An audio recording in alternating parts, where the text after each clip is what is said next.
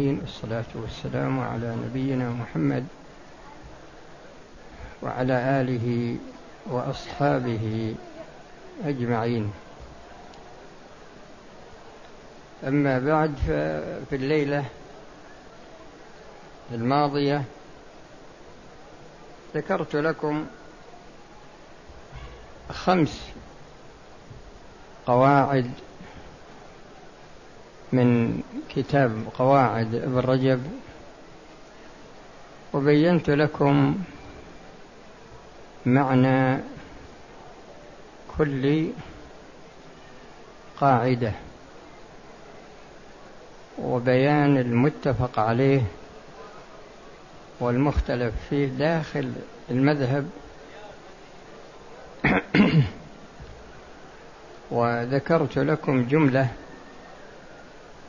من الأمثلة التي توضح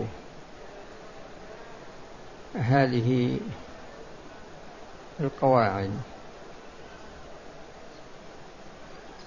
هذا هو الدرس الأول. الدرس الثاني ذكرت لكم جملة من القواعد. الأصولية من كتاب جمع الجوامع وشرحه الغيث الهامع. ونظرا إلى أن المدة الباقية بالنسبة لحضوري هنا هي قليلة. فرأيت في هذه السنة أن أسير في الكتابين كتاب قواعد ابن رجب وكتاب جمع الجوامع وشرحه فيما بقي من المدة لأن هذا يكون أكثر فائدة بالنسبة للطلاب.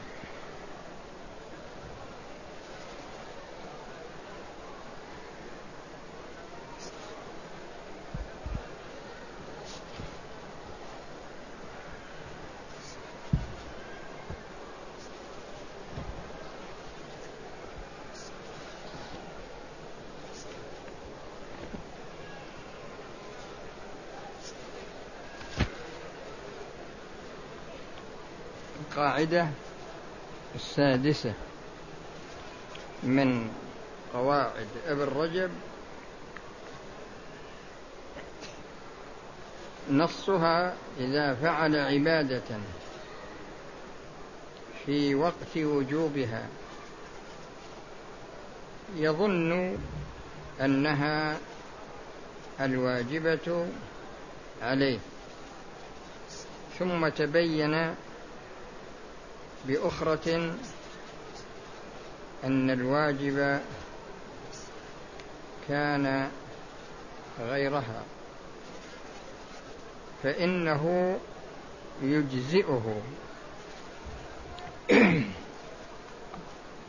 المقصود من هذه القاعدة وهو أن الأصل في الإنسان سلامته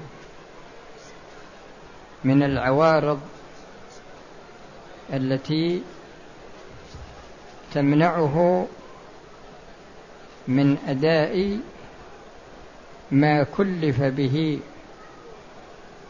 على الوجه الذي أراده الشارع. الأصل في الإنسان أن يكون سليما من العوارض التي تعرض له وتمنعه من أداء ما كلف به على الوجه الذي أراده الشارع. وليس هذا موضعا لهذه القاعدة. لكن أنا ذكرته من أجل تحرير هذه القاعدة. هذه السلامة الموجودة في الإنسان قد يعرض لها.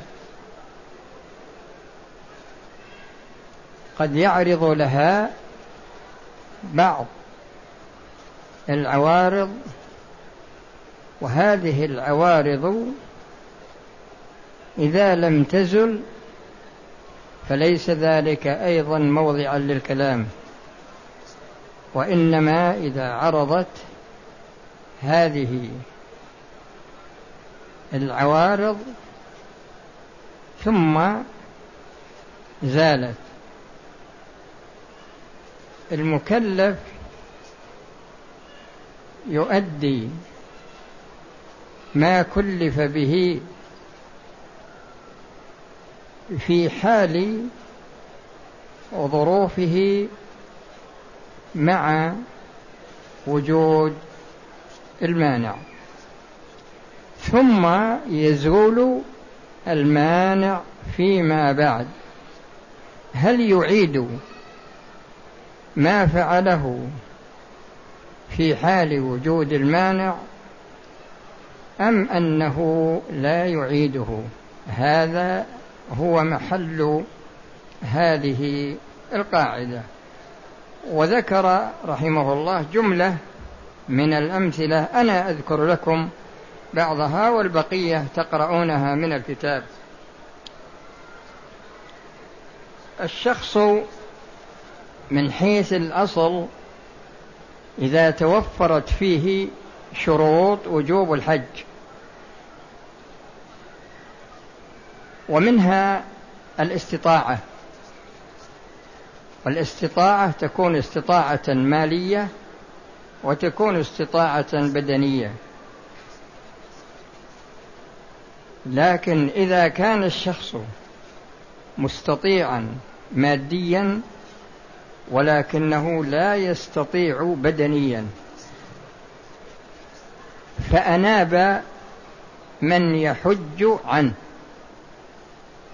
فأناب من يحج عنه. ثم حج هذا الشخص.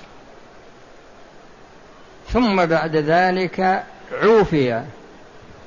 هذا الشخص من هذا المانع الذي منعه عن الحج بنفسه. هل نقول يجب عليك الحج لأنه زال المانع أو نقول إن الحج السابق من النائب يكفي عنك لأن العبرة بحالك حين وجود المانع. والجواب هو أن العبرة بحال بحاله في وجوب في حاله وقت وجود المانع.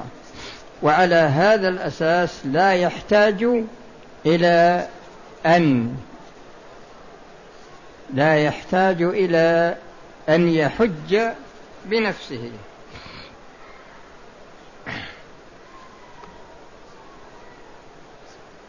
ومنها في باب الكفارات في باب الكفارات المرتبة مثل كفارة القتل خطأ العتق فإن لم يستطع فالصيام. وكفارة الظهار وكفارة الجماع في نهار رمضان إلى غير ذلك وكذلك الزواجر. والجوابر المرتبة الزواجر والجوابر المرتبة في الحج وفي غيره. إذا كان عاجزا عن المرتبة الأولى من مراتب الوجوب. ثم انتقل إلى المرتبة التي تليها. وأتى بالمرتبة التي تليها. ثم بعدما انتهى منها صار مستطيعا للحالة الأولى المرتبة الأولى. هل يأتي بالمرتبة الأولى أو يكتفي بالمرتبة الثانية. مثال ذلك كفارة القتل خطأ عتق رقبة فإن لم يستطع يصوم شهرين. ما وجد المال الذي يعتق به الرقبة أو وجد المال ولم يجد الرقبة ثم انتقل إلى الصيام وصام. بعد انتهائه من الصيام وجد القيمة ووجد الرقبة. هل نقول إنه ينتقل إلى الرقبة؟ يعني انتقالا عكسي. هل ينتقل إلى الرقبة؟ أو أن الصيام الذي صامه في حال عجزه عن الرقبة بأحد الأمرين أو كليهما يعني لا يجد رقبة ولا يجد مال. والجواب أنه أن الصيام الذي صامه يكفيه ولا عبرة بوجود الرقبة بعد انتهائه من الصيام. وهكذا في كفارة الجماع في نهار رمضان. أتى الرقبة فإن لم يستطع يصوم شهرين متتابعين فإن لم يستطع يطعم ستين مسكينا. فإذا عجز عن العتق انتقل إلى الصيام. انتهى من الصيام ووجد الرقبة. أو عجز عن الرقبة وعجز عن الصيام وانتقل إلى الإطعام. وبعدما انتهى من الإطعام أصبح قادرا على الصيام. فهل نقول إنه يرجع إلى الصيام أو يرجع إلى الرقبة؟ أو نقول إنه يكفيه الإطعام لأنه كان عاجزا عن الرقبة وكان عاجزا عن الصيام في حالة أدائه للكفارة للإطعام. والجواب هو هذا.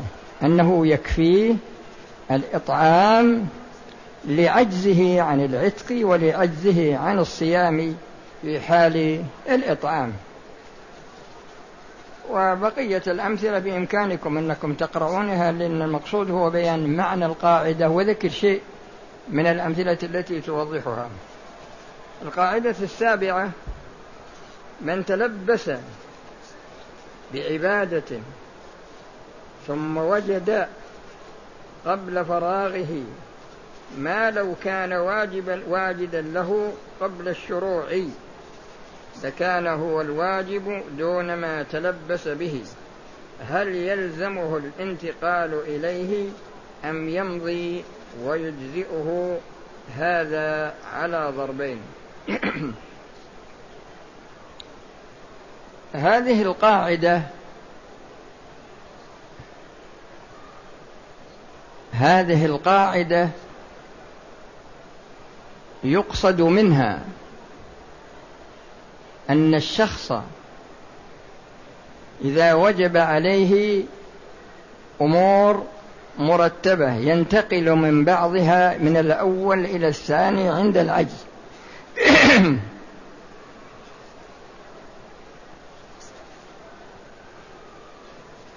عندما ينتقل إلى الثاني يبدأ فيه كالانتقال من العتق إلى الصيام. القاعدة السابقة هي فيما إذا انتهى إذا وجد السابق بعد انتهائه من الشيء الذي أداه.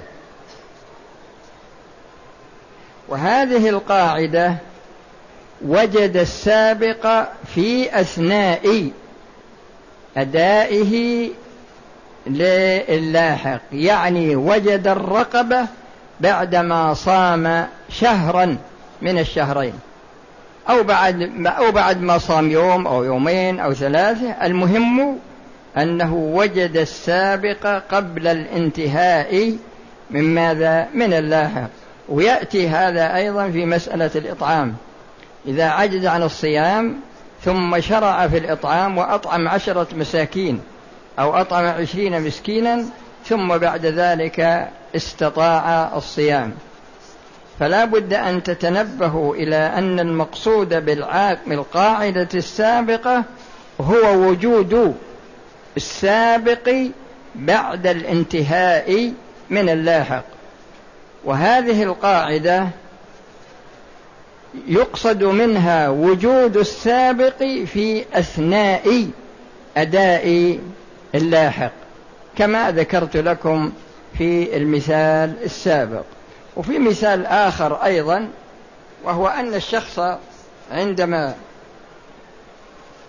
يجب عليه الهدي ولكنه لم يستطع ثم شرع في الصيام. ثم وجد الهدي قبل يعني صام يوم أو يومين ثم وجد الهدي. هل نقول إنه ينتقل إلى الهدي؟ أو نقول إنه لا ينتقل بل يستمر في الصيام. فلا بد من التمييز بين القاعدتين لأن كل واحدة منها لها فروعها في الشريعة. فالقاعدة السابقة الوجود بعد الفراغ. والسادسة والسابعة هذه الوجود في أثناء أداء السابق اللاحق بدلا عن عن السابق لعجزه عن السابق. إذا تصورتم المعنى المقصود من هذه القاعدة فهو رحمه الله يقول إن هذه القاعدة على ضربين. الضرب الأول أن يكون المتلبس به رخصة. عامة شرعت تيسيرا على المكلف وتسهيلا عليه مع إمكانه بالأصل على ضرب من المشقة والتكلف فهذا لا يجب عليه الانتقال منه بوجود الأصل. كالمتمتع إذا عدم الهدي فإنه رخص له في الصيام رخصة عامة حتى لو قدر لو قدر على الشراء بثمن في ذمته وهو موسر في بلده لم يلزمه. هذا هو الضرب الأول لأن القسم هذا يقول فيه رحمه الله أن المنتقل إليه رخصة يعني من باب التوسعة من باب التوسعة. فإذا كان من باب التوسعة فإنه لا ينتقل. إلى السابق بل يستمر. بل يستمر في اللاحق حتى يكمله الضرب الثاني أن يكون المتلبس به إنما شرع ضرورة للعجز عن الأصل وتعذره بالكلية فهذا يلزمه الانتقال إلى الأصل عند القدرة عليه. ولو في أثناء التلبس. مثال ذلك أن الشخص عادم للماء ثم بعد ذلك تيمم وشرع في الصلاة. ولما صلى الركعة الأولى من الصلاة تيسر له الماء إما بنزوله من السماء أو بإتيانه بإتيان به مثل أحد رفقته أو ما إلى ذلك ففي هذه الحال لا بد أن يقطع الصلاة ويتوضأ ويصلي فلا يكون معذورا. القاعدة الثامنة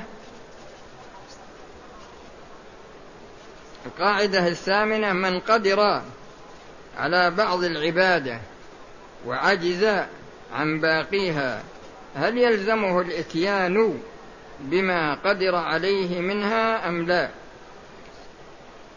المقصود من هذه القاعدة وهو أن الشخص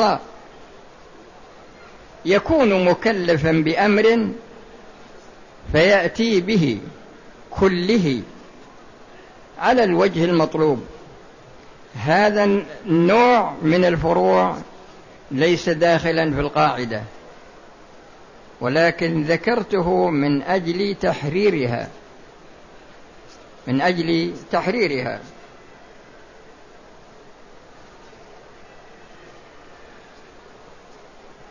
لكن هذا المكلف قدر على بعضها.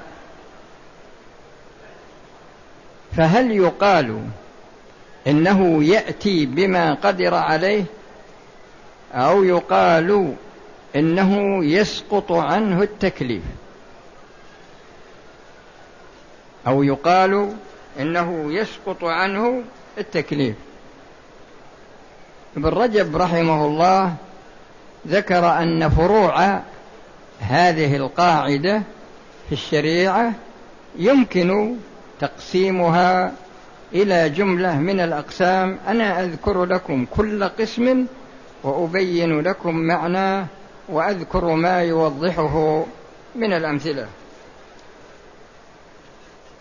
قال هذا أقسام. القسم الأول أن يكون المقدور عليه ليس مقصودا في العبادة بل هو وسيلة محضة إليها كتحريك اللسان في القراءة وإمرار الموسى على الرأس في الحلق والختان.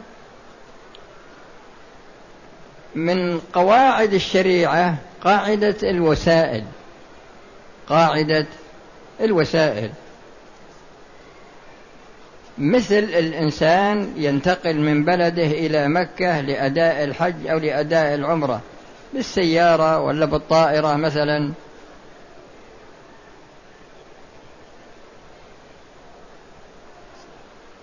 هذا القسم يقول إنه عاجز عن الغاية. عاجز عن الغاية.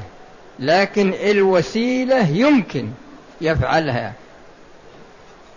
يعني بوجه عام قادر على الوسيلة وعاجز عن الغاية.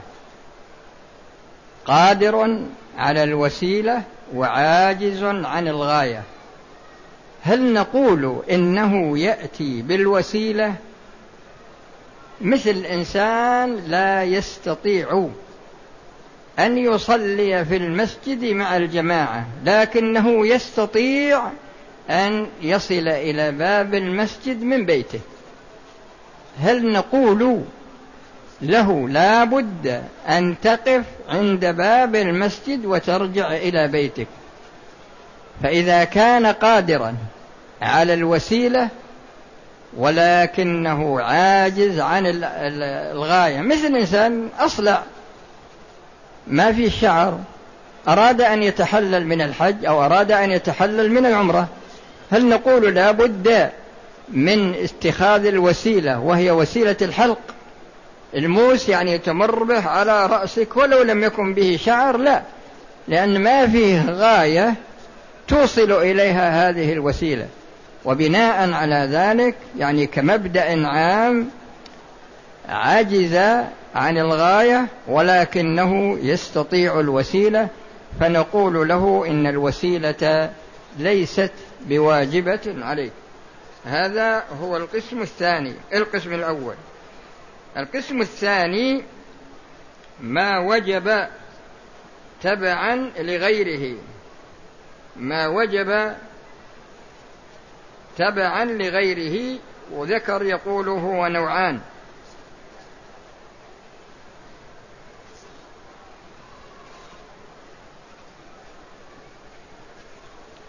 أحدهما ما كان وجوبه احتياطا للعبادة ليتحقق حصولها كغسل المرفقين في الوضوء. من قواعد الشريعة أن الغاية داخلة في المغيّة من قواعد الشريعة أن الغاية داخلة في المغيّة فالشخص عندما يغسل القدمين لا بد أن يغسل الكعبين. وامسحوا برؤوسكم وأرجلكم إلى الكعبين. فالغاية داخلة في المغية. وكذلك إلى المرافق. المرفق داخل في الغاية. المرفق داخل في الغاية وإنما دخل من أجل الاحتياط من أجل الاحتياط لغسل اليد ولغسل الرجل. إذا قطعت يده أو قطعت رجله وبقي المرفق وبقي من الرجل إلى الكعب. هل نقول لا بد من غسل هذا المرفق أو غسل هذا الكعب أم أنه ليس بواجب؟ هو رحمه الله يقول هنا يقول هنا يعني يختار الوجوب يعني وجوب الغسل غسل طرف المرفق وغسل طرف الرجل بحيث أن يدخل الكعب كاملا. هذا هو القسم الأول. والثاني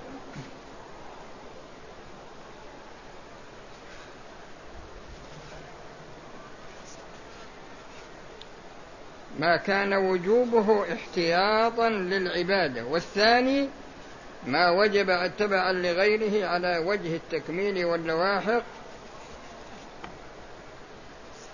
إنسان مثلا حج والحج يشتمل تكون من الكلام. والحج يشتمل على أركان وشروط وواجبات. إذا نظرنا إلى أركانه وجدنا أنها هي الغاية. وإذا نظرنا إلى شروطه أيضا وجدنا أنها لا بد منها. لكن فيه أمور وجبت على سبيل التكميل. مثل المبيت بمزدلفة ومثل المبيت بمنى ومثل رمي الجمار. هذه أمور واجبة لغيرها.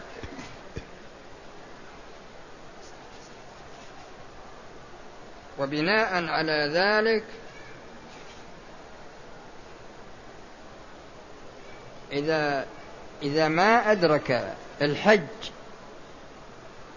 فاته الحج لكن يستطيع رمي الجمار لأن الحديث الحج آه الحج عرفة.